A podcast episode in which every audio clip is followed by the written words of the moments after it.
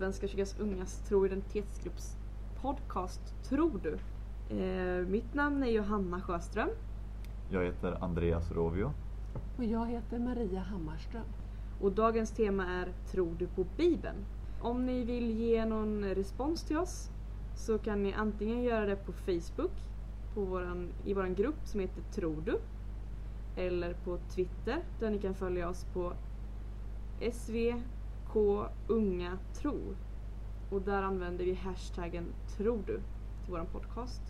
Skulle ni istället vilja mejla så kan ni mejla till tro svenskakyrkansunga.se Men Maria, vad innehåller Bibeln?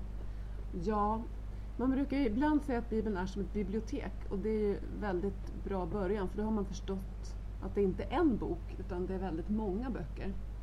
Och den stora indelningen som de flesta kanske känner till det är ju Gamla Testamentet och Nya Testamentet. Och Gamla Testamentet det är ju den del av Bibeln som vi delar med judendomen, det är deras heliga skrift.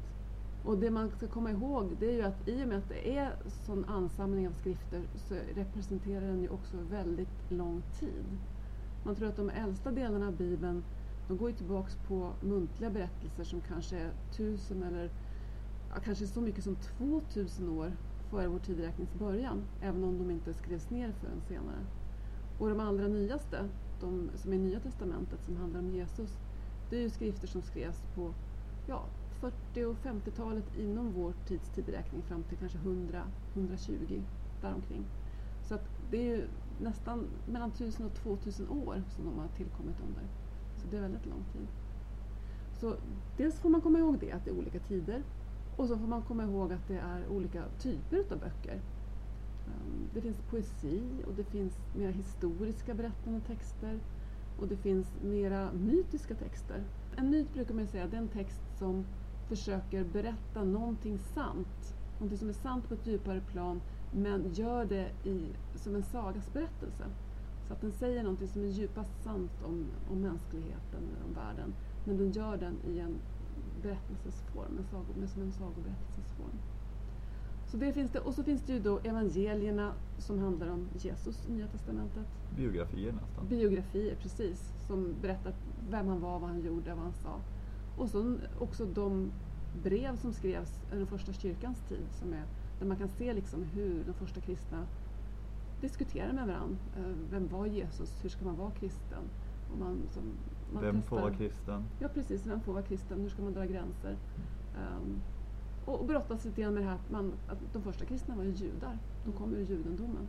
Så det var ju en hel process där man så småningom identifierade sig som någonting annat än judar. Att vi är kristna, det är någonting annat. Vi ska inte glömma att det finns några texter mellan Gamla och Nya Testamentet också. Just det. Apokryferna. Vad, hur har de hamnat där Maria? ja, jag vet ju allt om det här. Nej, men det, det, är lite spännande faktiskt för apokryferna de var utvisade kan man säga ur den protestantiska bibeln. Du vet, vi är protestanter. Eh, efter reformationen så lämnade vi den katolska kyrkan och, och startade eget. Och då under en ganska lång period så rensade man ut apokryferna för man tyckte inte riktigt att de platsade i Bibeln. Det var senare skrifter än de som är i Gamla Testamentet och som var då före Nya Testamentet. Um, och man tyckte inte riktigt att de hade samma status så man lade dem liksom åt sidan. Um, och det var så man kunde se skillnad mellan protestantisk bibel och katolsk bibel till exempel. Men sen så småningom då nu när vi fick nya bibelöversättningen, eller den senaste bibelöversättningen på svenska, Bibel 2000, då har man plockat in dem igen. Um, och det är lite roligt att de har fått komma till heders igen. Mm. Om jag inte missminner så ursprunget till att det är en svart så var väl att eh, det fastställdes en, en kanon som det heter av Gamla Testamentet där de här skrifterna ingick. När sen judarna fastställde sin kanon så var inte de här skrifterna med va? i kanon. Och då fick de de här redan då mellanpositionen. Men mm. kyrkan mm. tog då sen in dem i, i, sin kanon. Fram till den här splittringen och så har de gått in och ut i den mm. protestantiska bibeln. Och det som vi pratar om nu det är ju ganska intressant för det i sig visar ju att bibeln är eh, inte sådär alltså, huggen i sten. Eller det har varit en process. Där man har kommit fram till att de här böckerna får vara helig skrift och får vara med i, i vår bibel. Mm. Um, så det har liksom inte gått över en natt utan det har folk diskuterat i flera vändor. Och viktigt kanske att det var inte fastställt heller efter alla texter var skrivna där i början. Det tog ett tag innan det fastställdes där. man hade vissa, vissa kriterier på vilka skrifter som skulle få vara med och, och varför. Då. Så var tvungen att, att för det första vara skriven, inte allt för, för nytt nu när man satt och tittade bort tillbaka på, på, ja, det var på 200-talet och 300-talet. Så var man tvungen att gå tillbaka till de som hade faktiskt berättat och, och varit med Jesus. Så, där, så att man eh, fick välja ut där också vilka som skulle vara med och inte. Det var en process som man gick igenom. Mm. Och det, det, är intressant att du säger det för att jag träffar ganska ofta på kompisar som inte eh, är med i kyrkan och som inte är så liksom, är kanske inte så intresserade av, av kristen tro egentligen, men de har hört talas om de här äh, specialevangelierna um, som har blivit väldigt populära inom new age, de här evangelierna som agnostiska som tillhörde en, en grupp som uh, definierades ut inom kyrkan. Och de har på något sätt fått lite så här revival nu på senare tid. Och då ser man dem som lite, det måste vara något mer spännande och mystiskt med dem eftersom de inte fick vara med. Mm. Där hittar man nog den riktiga sanningen om vem Jesus var och så vidare. Men då brukar jag säga att ja, men det fanns ju en anledning att man inte tog med dem och det var nog inte att de var så himla spännande eller subversiva, mer att det handlade om trovärdighet. Mm. Man ansåg inte att det var en rätt lära. Nej, det, precis. Och att, att de inte var, då, de avvek alldeles för mycket från vad majoriteten som hade skrivit. Så de är ofta skrivna lite senare. Vi tar till exempel det som kallas Thomas evangeliet, eh, vilket är en, en stor skrift av de här man hittar, som många har hört talas om. Så är det ju att man har tagit här aposteln Thomas namn för att ge auktoritet medan den är skriven ja, någon gång efter hundra tidigast. Så den är ju senare än evangelierna vi har med i Bibeln till exempel. Mm. Uh, vilket gör ju att det har passerat en, en viss tid ändå. Uh, den har inte heller, man tror inte, kan inte säga att den går tillbaka på samma sätt till, till lärjungarna som evangelierna faktiskt gör. Och när vi pratar om det på det här viset då hör man att oj oj oj vad komplicerad bok Bibeln måste vara. Vad mycket man måste veta och kunna för att förstå det. Mm. Men, men är det så? Är det någon skillnad på Alltså kan, kan man närma sig Bibeln eh, som troende eller som icke-troende? Och gör det någon skillnad när man ser på Bibeln tror ni? Ja, men det tror jag. Jag tänker att om man inte är troende, det är svårt för mig att säga i och för sig, som jag själv är troende, men jag kan tänka mig att man mer ser det som en, eh, en historisk bok. Ja. Eh, mer än någonting att ta till sig som person till mitt liv. Och även som, som troende kan man ju läsa det på flera vis. Jag studerar akademiskt nu och håller på med det med bibelvetenskap. Och då kollar man på det utifrån litterär kritiskt till exempel. Och vem kan ha skrivit det här och när kan texten ha uppkommit? Och, så det är ett sätt att läsa det. Och även se vad är det för typ av text, vad är det för typ av stil man skriver med i vissa böcker och vad använder man för litterära knep och liknande. Ja, så det blir ju ett sätt att läsa det. Och jag vet många av mina kurser som inte då är kristna tycker att, upptäcker att men vad spännande historia det är. Mm. Eh, och det är det ju. Men sen kan man ju också som troende läsa det som en skrift som säger mig någonting nu. Mm. På ett sätt som kanske går utöver att bara läsa en vanlig skönlitterär bok. Mm. Att, eh, det kan man tänka, hur, hur, ska man fundera då? Man säger att det är Guds ord, men vad betyder det? Jag tänker två saker när du säger det där. Dels att Mm, för att gå tillbaka till det här med vad, vad Bibeln betyder för icke-troende. Att, uh, att Bibeln kan ha en, en litterär kvalitet. Alltså man, kan, man kan tycka väldigt mycket om Bibeln som litteratur. Mm. Det är många författare som använder sig av Bibeln indirekt. Att man skriver saker som refererar, eller man kan känna igen när man läser en, en skönlitterär bok att ja, men här är någon, en historia som spökar i bakgrunden. Eller också mm. tar man en biblisk historia och skriver om den på ett nytt sätt. Mm. Alltså Bibeln finns med i väldigt mycket litteratur. Mm. Um, men jag tänker också att det här med att, att Bibeln är Guds ord, det är ju någonting som på något vis kräver tro. Mm. För även om jag kan liksom läsa en skönlitterär bok och jag kan bli jätterörd och berörd av den, så har jag ändå som troende en annan förväntan när jag kommer till Bibeln. Och det handlar ju om att jag tror att Gud finns med i Bibeln mm. på ett sätt som jag inte tror att Gud finns med i andra som högkvalitativa då, litterära texter. Jag tror att Gud finns med i Bibeln och det gör Bibeln till Guds ord. Mm. Men vad, vad, tänker ni? Vad tänker ni när man säger att Bibeln är Guds ord? Jag tänker som så att eh, för mig handlar det om att när jag läser Bibeln så tala, tilltalas jag av Gud på något vis. Inte alltid bokstavligen direkt av den text jag läser, men när jag placerar det i mitt liv och funderar över så kan också samma ord för olika betydelser. Men även det att när jag läser evangelierna så är det ju om Gud jag läser. Mm. Jesus var ju Gud för oss. Eh, och det är ju berättelser om han och där någonstans ligger mitt huvudfokus i min bibelläsning. Mm. Allting utgår från, från Jesus då, som beskrivs här. Men jag tror inte heller att man bokstavligen alltid kan läsa en vers och tänka att Gud har, har talat och sen hamnar det på ett papper bara. Mm. Jag tror inte att Gud för det första är en person. Mm. Eh, och då kan man ju kanske inte tala på det sätt en person kan. Däremot tror jag att, att eh, jag tror personligen att de som har skrivit de här skrifterna har på något sätt vittnat om Gud eller, eller fått en, en inspiration ifrån Gud. Mm. Men det har ändå gått genom de barriärer eller de filter vi kallar språket och den kultur och den kontext man lever i. Mm. Det är väl det jag kan tycka att man kan läsa Bibeln på så många sätt. Ett sätt är bara att ta och slå upp Bibeln och se vad säger det här mig. Ett annat sätt att fundera på just när är det skrivet? Okej, men, men om vi förstår när personen skrev det här, kan vi då förstå varför det också kan vara så här saker som jag kanske tycker är lite konstiga idag? Mm. Och att det kan hjälpa en att, att tolka Bibeln. Det tror jag är viktigt och det gör inte att, att det förlorar gudomlighet för mig. Det är fortfarande Guds ord, Mm. fastän det har gått genom en människa. Mm. tänker jag. Tror det som du säger är viktigt också därför att när man säger att Bibeln är Guds ord, då tror jag att en, en association som är lätt att få det är just det, det här, att det på något vis bokstavligen är Guds ord. Att Gud, alltså om, om, man kanske inte tror att Gud har skrivit boken, det förstår man väl. Mm. Men att Gud på något vis har talat in i ena örat på Mm. den som har skrivit och så har den skrivit ner precis. Ehm, man, man pratar ju som inom, inom verbal inspirationsläran, som en, det är ett sätt att förstå Bibeln, att man tänker verkligen verbalt, ord för ord inspirerat av Gud. Att Gud har liksom haft kontroll över hela processen på något sätt så att det har blivit det som Gud har velat. Och då, så tror inte jag.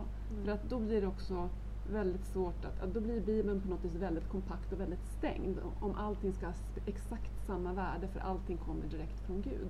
Mm. Då, då tycker jag då blir Bibeln väldigt svår att förhålla sig till. Så, Mm. så kan inte jag tro.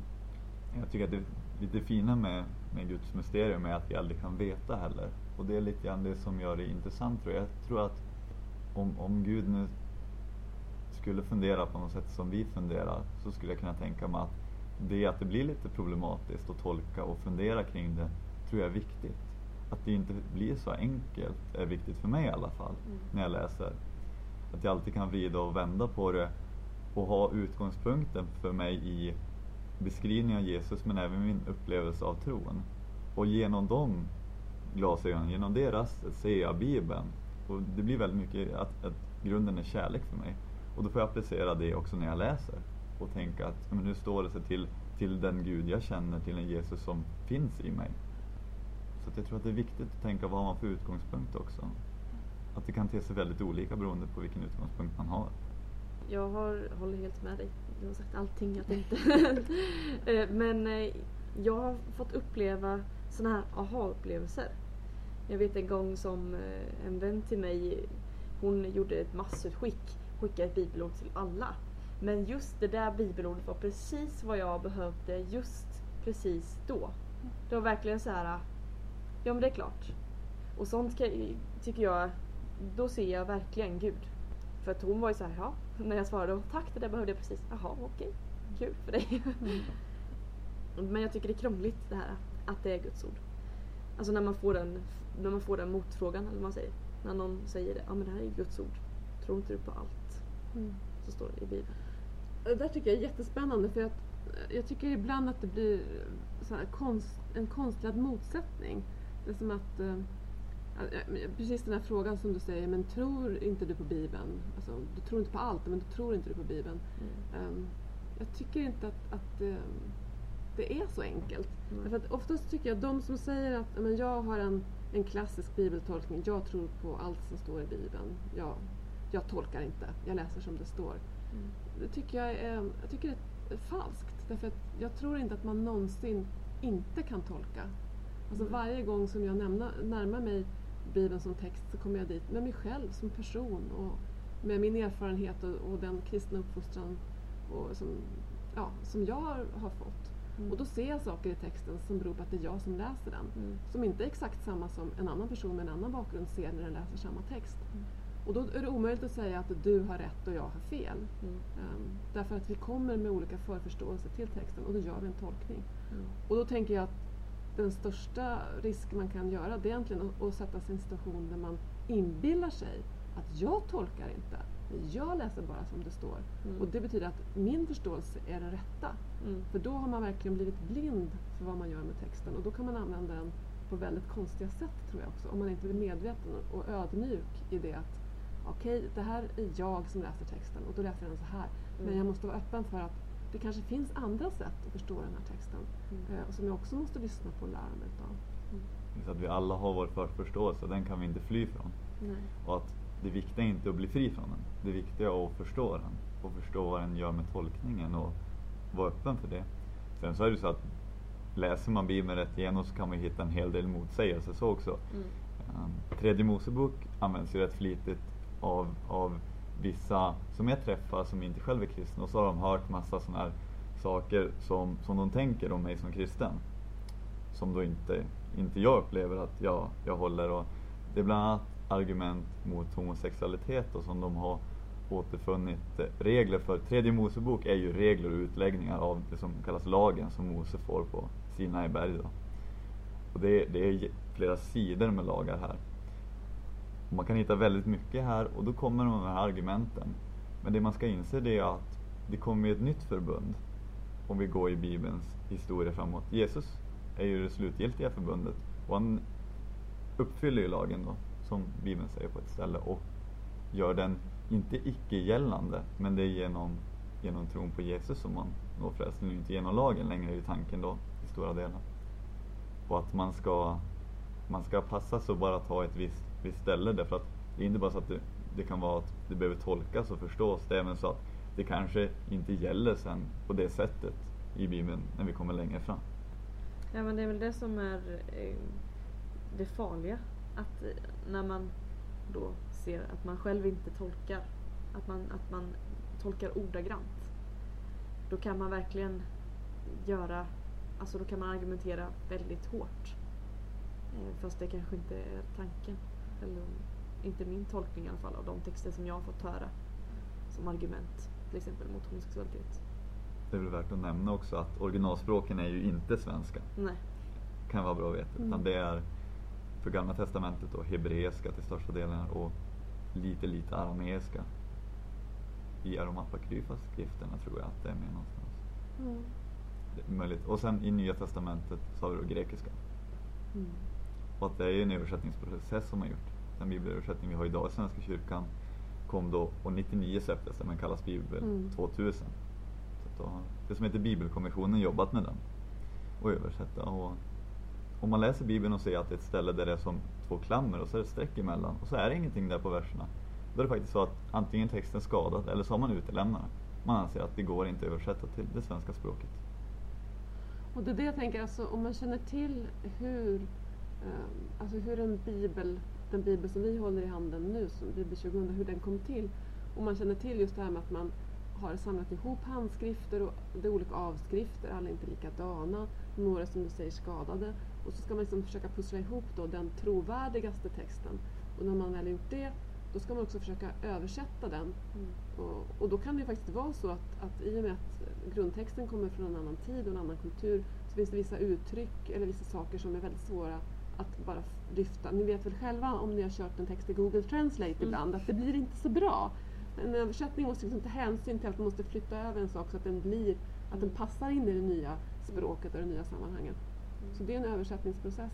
Och så, och så har man liksom sett det, då har man ju också väldigt svårt att, att säga att Bibeln är Guds ord, liksom, ord för ord. För det, det, är, som, det, det, är, en för lång mänsklig process som är inblandad för att föra över den till oss mina bästa tolkningar, eller vad man säger.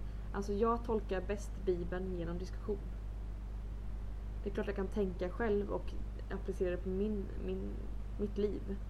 Men när man får höra hur andra tänker, det är det absolut mest givande. Ja, jag tänker också att det, jag funderar på det där vad som är, vad som är viktigt om man ska börja läsa Bibeln. För, för jag tänker som du att Att man behöver andra för att liksom få syn på texten och se nya saker i texten. Jag funderade också på det, behöver man, behöver man först på något vis um, klura och läsa Bibeln innan man börjar umgås med andra eller är det lättare att börja läsa Bibeln tillsammans med andra? Förstår ni vad jag menar? Mm.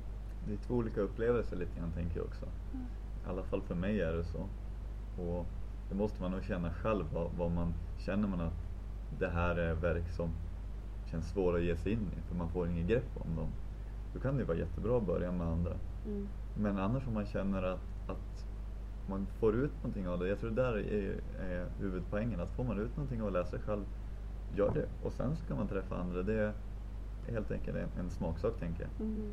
Men ett, som kristen så, så jag själv började i evangelierna. Men eh, det går alldeles utmärkt att, att börja var som helst i Bibeln.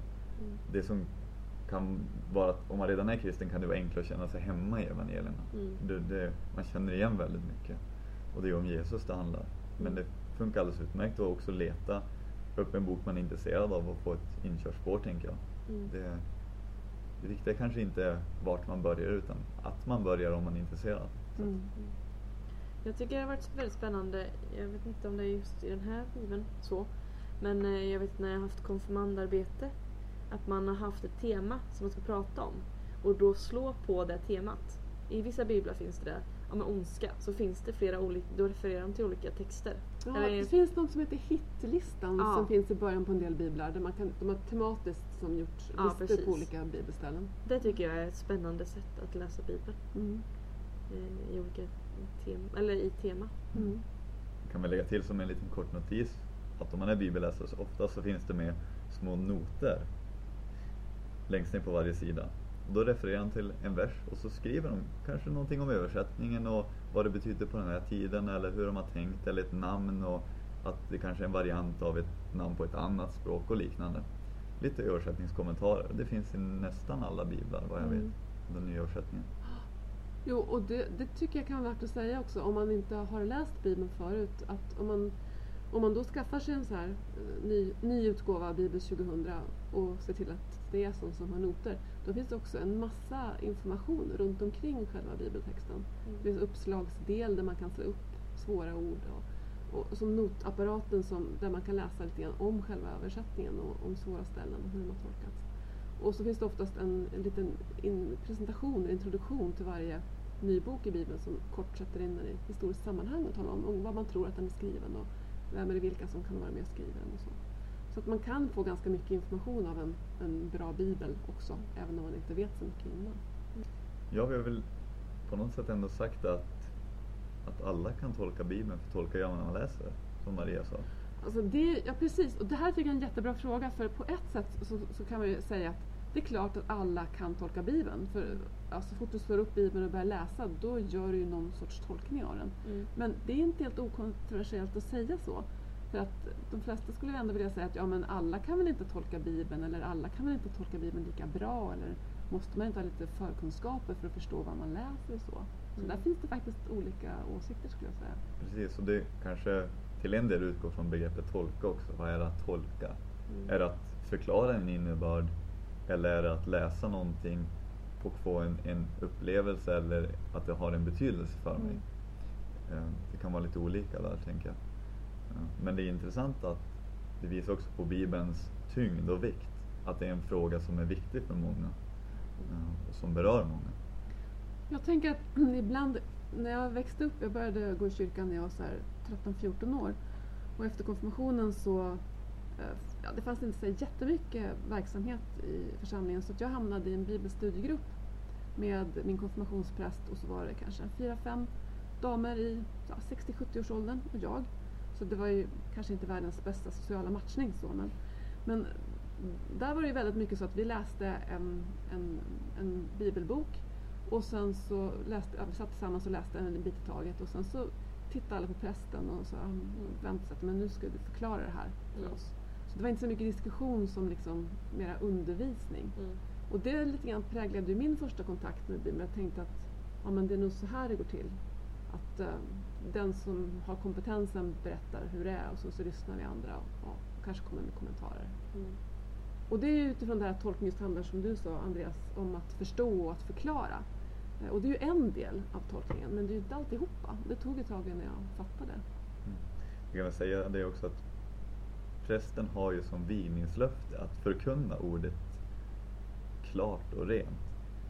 Det är också lite klurigt, vad betyder det? Att förkunna ordet och att det ska vara oförvrängt. Så att prästen jobbar ju väldigt mycket med den här skriften. Men det betyder inte på något sätt att prästen skulle ha en bättre tolkning som sådan. Prästen kan ha mer teologisk kunskap och mer insikt i till exempel kontext och kanske ha en, en förståelse som man inte kan ha som, vad ska vi kalla lekman eller så. Men däremot när det gäller vad som berör mig, vad som träffar, så kan ju, kan ju egentligen aldrig någon säga att, att jag tänker fel på det viset. Jag kan förstå sakförhållanden fel och så, men vad, vad bibelorden gör med mig inom mig kommer ju alltid ske ändå. Mm. Så att, eh, jag tror det är viktigt att komma ihåg också. Jag har tänkt på det ganska ofta, eller på senare tid. Eh, på, när jag, jag brukar ganska ofta gå till kyrkan på söndagar, på gudstjänst eller mässa. Och eh, när det är dags för predikan. Eller som jag själv reagerar på saker som prästen säger. Eh, när det kan vara texter, evangelietexter som, eh, som kan vara lite svåra att ta till sig eller Har du något exempel? Ja, eh, det var ju vid eh, Jungfru Maria, med Maria bebådelsedagen. Då var det, det handlade om när, eh, när de är i eh, Adam och Eva, när de är i eh, Edens lustgård och ormen lurar Eva Mm. att äta av den förbjudna frukten. Och den kan ju vara svår. Och det här att när Gud säger att, ja, att nu ska kvinnan plågas och allt det där. Syndafallet. Syndafallet, Och ja. konsekvenserna liksom. Ja, Ger, precis. ger straffet redan tydligt tilldelar att mannen ska slita med jorden och kvinnan ska ha ont när hon föder. Ja. Mm. Ehm, och den, det kan vara svårt, tänker jag, att vända det till någonting positivt. För det är väldigt hårt. Men den prästen lyckades. Men då satte man på nålar. Så här, hur, hur ska... Mm. För det, jag, tänk, jag tycker att det är viktigt hur prästen tolkar. Jag tar till mig ofta det prästen själv säger. Eftersom jag inte har någon teologisk utbildning ehm, så tar jag till mig det oftast, vad prästen säger. Mm. Och tycker att det är viktigt. Det är ju ett ansvar man har för att det är ju helt sant att prästen har ju en särskild ställning i kyrkan och många väntar sig liksom att det som prästen säger är, är riktigt eller i alla fall Mm. en, en genomtänkt tolkning även om det inte måste vara det, ja, det man själv tänker och tycker. Mm. Så det finns ju ett ansvar i det då att, att man måste vara medveten om att en del, för en del människor så har en väldig tyngd det man Mm. säger när man står i predikstolen som präst. Mm. Och vi har ju den här ordningen då att som sagt var att, att eh, man kan inte bli präst hur som helst utan man måste ha en viss utbildning och måste ha Mm. lämplighetsprövning och, och sådär. Och det är väl också ett sätt att försöka garantera att, ehm, att, att det blir bra. Men, eh, men det som Andreas pratar om det här med tolkning som berör, den kan ju på något vis inte någon annan självklart servera åt mig utan den måste jag ju på något vis sträcka mig efter själv. Mm. Sen kan man få ingångsspår till den. Mm. Kanske i en predikan eller bara av att någon, någon pratar om ett bibelord. Man får ju, får ju sen ta det på ett personligt plan. Men jag tänkte, är det så då att ifall, ehm, ifall en biskop eller en präst eh, säger någonting att ja, men så här förstår jag det här bibelstället. Gäller det då? Alltså måste man hålla med då? Nej, det tänker jag inte. Men däremot så, man behöver inte hålla med. Men sen är det ju så att, och det har betydelse för oss. Det har betydelse för vår verksamhet. Men jag tror att, att det beror på också, men i vilket, vilket sammanhang uttrycks det tror jag är väldigt viktigt att tänka på också. Mm. Är det, är det liksom i en predikan? Eller är det, är det när man skriver någon Mm. form av, av skrift? Eller vad, Mm. när är det? Påverkar också betydelse. Mm. jag. För jag tänker att vi är ändå en, en luthersk kyrka. Ehm, och en av de saker som Luther stod väldigt starkt för det var ju det att varje människa, varje kristen har ett eget ansvar och en egen möjlighet att läsa och tolka Bibeln. Mm. Och det är också därför som läskunnighet och, och tillgång på biblar var, var viktigt för honom. Så jag tänker att någonstans så har vi ändå tagit ställning som kyrka för att, att vi har ett allmänt prästadöme. Alltså att alla på ett sätt är präster, alla på ett sätt har ansvar för att, att tolka och leva evangeliet. Och då tänker jag att då kan jag ju lyssna på biskopen med viss respekt för den personen kanske har längre utbildning och längre erfarenhet och, och har mer att komma med än jag på vissa punkter. Men det blir ändå så att jag kan ändå ha kvar ja, jag kan ändå försvara att ja, men jag tänker annorlunda när jag läser bibelordet än vad biskopen gör och det är fortfarande helt okej. Okay. Mm. Ja, finns det rätt och fel tolkning av Bibeln då? Men om det nu är så att alla, alla kan ha sin egen tolkning. Um, och jag, jag, förstår att det du säger Andreas om att det är skillnad på det här med, med förståelse och förklaring, den sortens tolkning och personlig upplevelse, det här gör den här tolkningen med mig och mitt liv. Liksom. Men, men, men finns det någon möjlighet att avgöra vad som är rätt och fel när det gäller bibeltolkning? Vad tror ni? Det är ju, jag tänker att det är en stor konsensus som måste ske kring tolkningen. Vi är en stor folkkyrka. Och det finns många som, som vill tolka också och att det som blir kanske rätt tolkning om vi säger så är ju det man, de flesta håller med om ofta. Och här kan vi se också att det förändras genom tiden vad de flesta håller med om ska vara. Förut så hade vi inte kvinnliga präster. För många tolkade Bibeln på så sätt att nej, kvinnor kan inte vara präster. Men så förändras tiden och samhället och människorna och allt fler börjar tänka att ja, fast vänta nu. Det borde ju inte vara några problem. Mm. Och fler och fler börjar tolka Bibeln som att jo, men kvinnor kan visst vara präster. Det är absolut inget problem.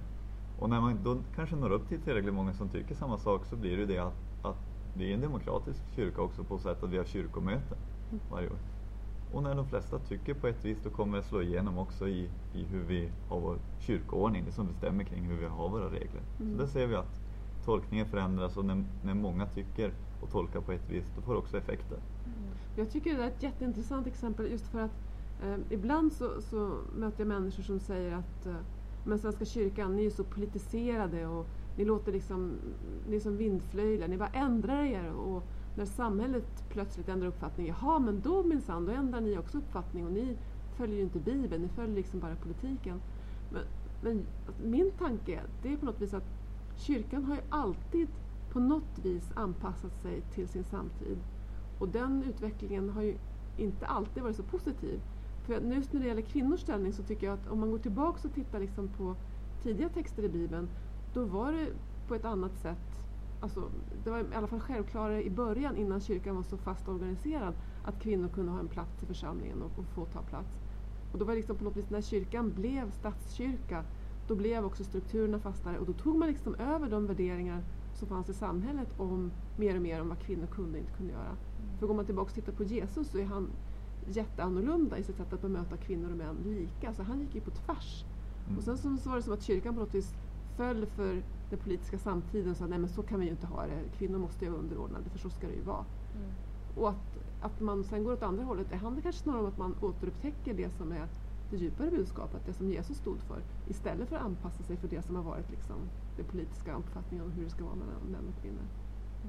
Så jag tänker att kyrkan har gjort många misstag men i de bästa fallen så tycker jag att då hittar vi ju tillbaks till det som är grundmeningen. Precis som att det har funnits kristna från början som argumenterade för slaveri utifrån Bibeln. Mm. Och sen så upptäcker man att nej, det är ju helt fel, så här kan vi inte tolka. Det, det måste ju vara, Bibeln talar ju emot slaveri. Mm. Och då är det inte att man plötsligt har anpassat sig utan man har faktiskt upptäckt alltså, den djupare sanningen i texten. Ja precis, jag tänker att vi har ju vissa värden som är väldigt viktiga och om man kollar, vi har en trosbekännelse till exempel och vi har vad vi tror på som, som är väldigt tydligt på ett sätt.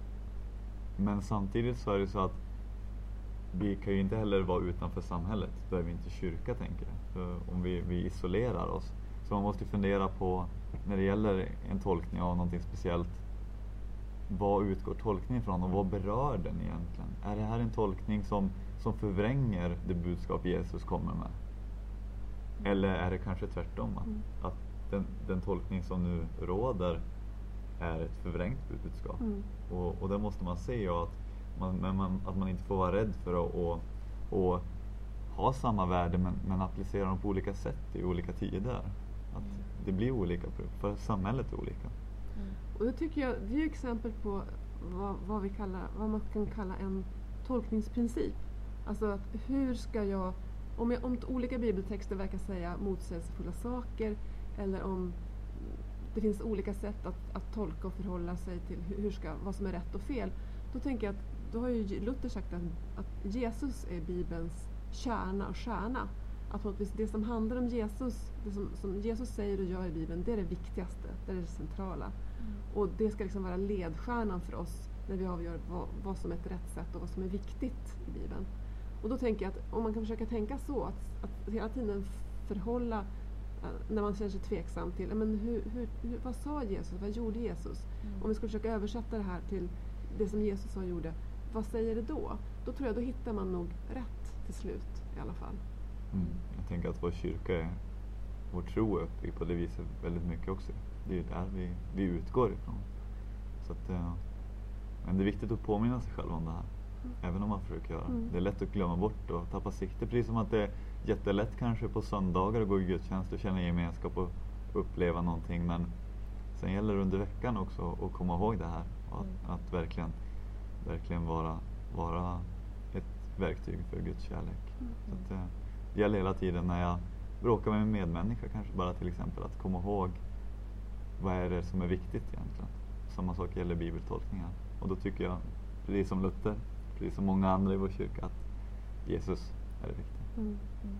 Och det tycker jag också är, viktigt att komma ihåg när, folk ibland frågar mig, men tror du på Bibeln? Hur kan du tro på allting som är, så står det? Det är så mycket konstigt som står där. Då svarar jag, men, jag tror inte på Bibeln, jag tror på Jesus. Mm. Och Bibeln liksom, det är vittnesbördet om Jesus. Så jag, ja, men det är Jesus jag tror på. Mm. Och det betyder att då har jag också ett sätt att sortera att det som är konstigt eller, ja, eller som är, verkar värderingsmässigt konstigt, det, det, är sånt som ofta står emot det som Jesus säger och gör. Så då är det mindre viktigt, även mm. om det står i Bibeln. För att spetsa till det lite grann så finns det ju bara en Gud som visas på tre sätt. Och man tror på Bibeln som sådan, inte det, det är liksom avgudadyrkan lite grann kan vi tänka. Tillspetsat kan vi säga så. Mm. Men det behöver inte alls vara så. Men eh, lite roligt att fundera på. Mm. Vilken, vem, vem är min Gud? Är det Bibeln eller är det Jesus? Mm. Kan man ta, mm. tänka på. Jag skulle vilja fråga er om ni har något uh, favoritställe eller något favoritord eller någonting som ni tycker speciellt mycket om i Bibeln. Det kan vara en bok eller det kan vara ett citat. Eller. Johanna, vad säger du? Jag säger första Korintierbrevet och kapitel 13. Och hela kapitel 13. Man får gärna gå in och läsa. Man brukar ju... Det är ganska känt när, vid eh, bröllop. Att man plockar lite granna. Det handlar om kärleken. Vägen framför andra. Kärleken. Eh, och den har gett mig väldigt mycket. Eh, då jag har varit i sammanhang där jag har känt mig att jag har blivit eh, att jag inte har varit tillräckligt bra kristen. Och då har den här det här kapitlet har hjälpt mig väldigt mycket. Alltså det här det handlar inte så mycket om utåt. Om om man eh, talar i tungor eller det är inte det det handlar om. Min tro är min tro och kärleken är det största och det allra viktigaste. Och, och det får jag inte genom att i det sammanhanget jag var så var det viktigt att man hade haft aha-upplevelser eller att man hade kommit till tro genom att man hade sett Gud eller Starka upplevelser. Väldigt starka upplevelser. Mm. Det var det viktigaste. Och visst kan det vara viktigt men alla, alla är inte sådana. Alla mm. upplever inte det på det sättet. Så därför var just den viktig för mig och är fortfarande mm. för mig. Mm. Andreas då? Jag har ett av mina favoritord i Lukas evangeliet kapitel 22. Det handlar om Jesus är i ett semane. Han ska snart bli gripen och kommer bli korsfäst. Och han vet om det här då. Han vet vad som kommer hända. Och de går upp på Olivberget här och ska be Jesus och lärjungarna. Och då säger Jesus i vers 42 Fader, om du vill det så Ta bort denna bägare från mig. Men låt din vilja ske, inte min.